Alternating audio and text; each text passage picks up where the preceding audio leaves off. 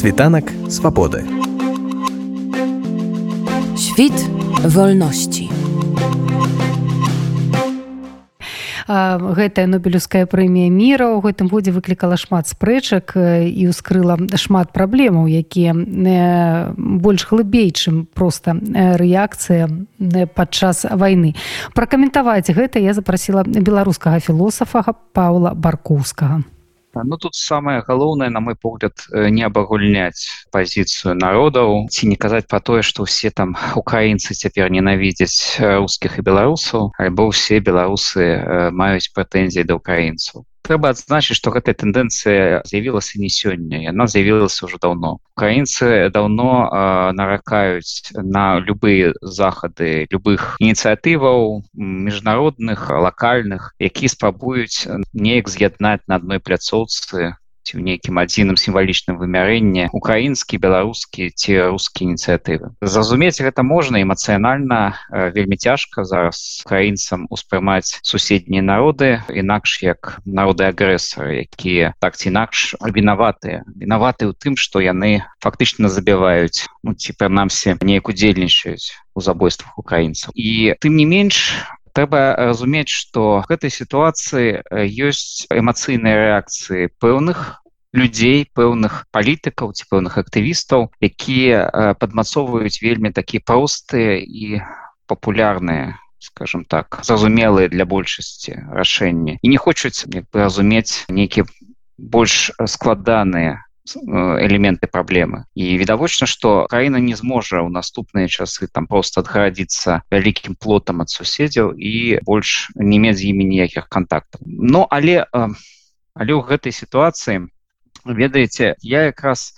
не бачу каб нобелевскі камітэт зрабіў штосьці такое чаго ён ніколі не рабіў то бок гэта досыць такая чаканая прэмія. Калі паглядзець на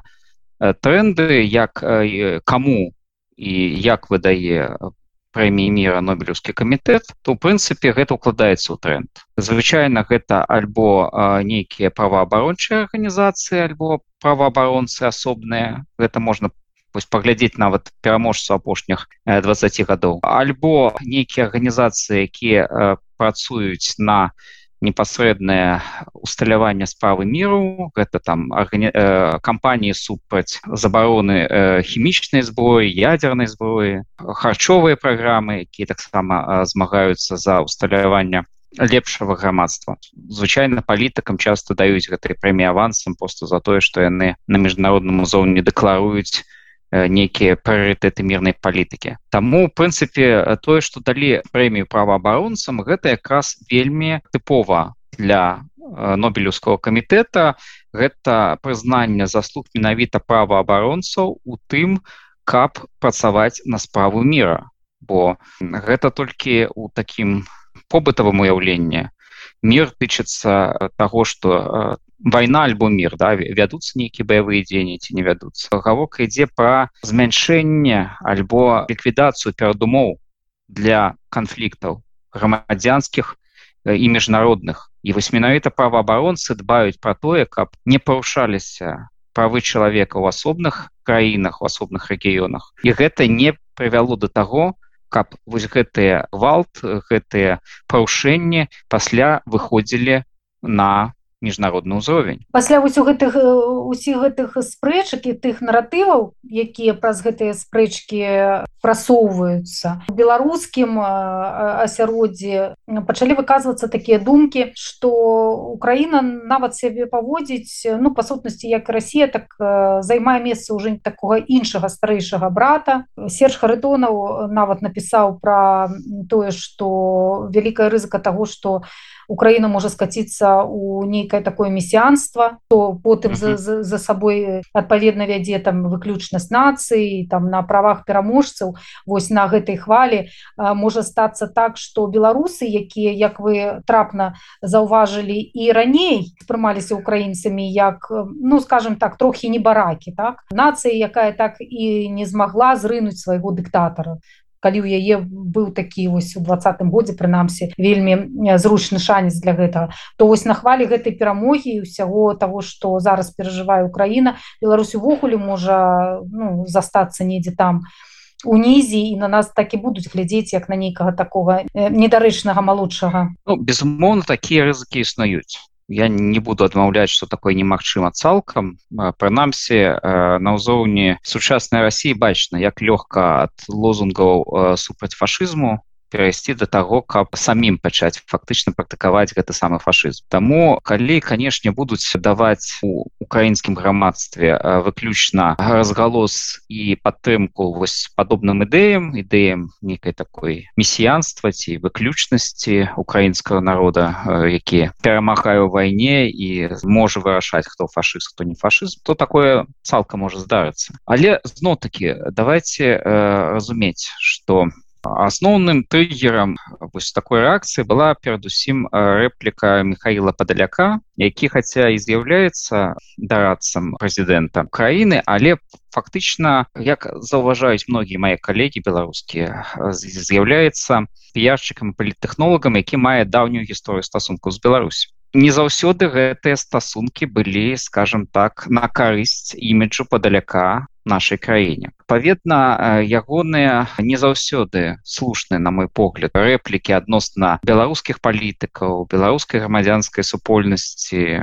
ну і наогул беларусі як дзяржавы. Яны э, часта якраз маюць нам на мэце такую эскалацыю. І чаму падаляк э, стварае такі піяр? Чаму для яго важна правакаваць гэтыя стасункі і не выключаю што менавіта ён адказаны за адсутнасць контактаў до сённяшняга дня афіцыйных паміж офісам зяленскага і офісам Святлана ціханос Вось а тое што украінскім грамадстве ёсць пэўная частка людзей якая будзе вінаваціць рускіх і беларусаў ва ўсіх смяротных грахах ну гэта відавочнасць ёсць і напэўна застанецца іншая справа ці будуць менавіта гэтым людзям афіцыйныя ўлады Украіны даваць э, найбольшы э, прастор для выказванняў і некую такую афіцыйную падтрымку. Насамрэч э, тут і украінскім уладам трэба падумаць, што, што і як яны спрабуюць рабіць з іміджам Украіны і з яе вонкавай і нутраной палітыкай і э, калі э, дасюль здаецца я могу памыляцца але здаецца дасюль няма афіцыйнага віншавання прэзідэнта зеленскага. Пераможцам з украінскага боку я ўжо маўчу пра іншых пераможцаў але калі няма гэтага віншавання гэта таксама знак. Знак таго як сабе паводзіць афіцыйны украінскі палітыкум і гэты знак прачытваецца таксама ў міжнародных партнёраў Украіны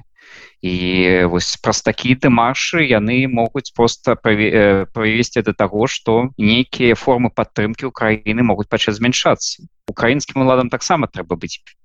вельмі абачлівымі. Я могу зразумець что Мачыма там у самога зяленскага ёсць нейкая крыўда што прэмію далі не яму э, можа быць да хотя было б напэўна недарэчна калі прэмію мира атрымаў э, галоўнакамандуючы адной з армій. Неважна да, на якім баку хто стаіць але у дадзеным выпадку гэта было б не вельмі дарэчна паглядзім што будзе ў наступным годзе там якраз будзе вручацца прэмія за мир якраз э, за 22 фактычна год. Менавіта сёння трэба разумець што ёсць у украінскай палітыцы і ў украінскім грамадстве вялікая плынь людзей хто будзе выступаць супраць беларусі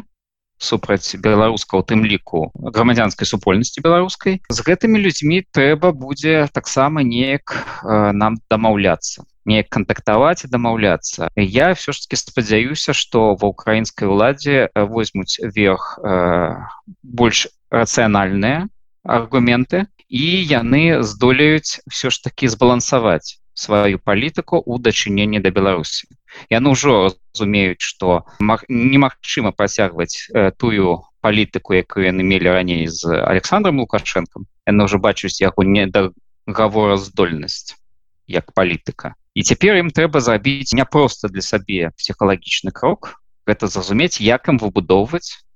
новыя стасункі з новай беларусю якая можа прайсці на змену режиму лукашенко пакуль у іх відавочна такой стратегії няма адсюль і вось гэтыя эмацыйныя заявы і вось гэтая непаслядоўнасць выказванні сваіх стасункаў да беларусі да беларускага грамадства. Э, толькі даводзіцца спадзявацца што ў бліжэйшы час яны такую стратэгію для сабе выпрацуюць і мы зможам пераходзіць ад нейкіх эмацыйных аргументаў і абраз якімі мы можам сыпаць у адказ адзін аднаму да больш канструктыўных і працоўных стасункаў дзеля супольнай світанак свабоды Świt wolności.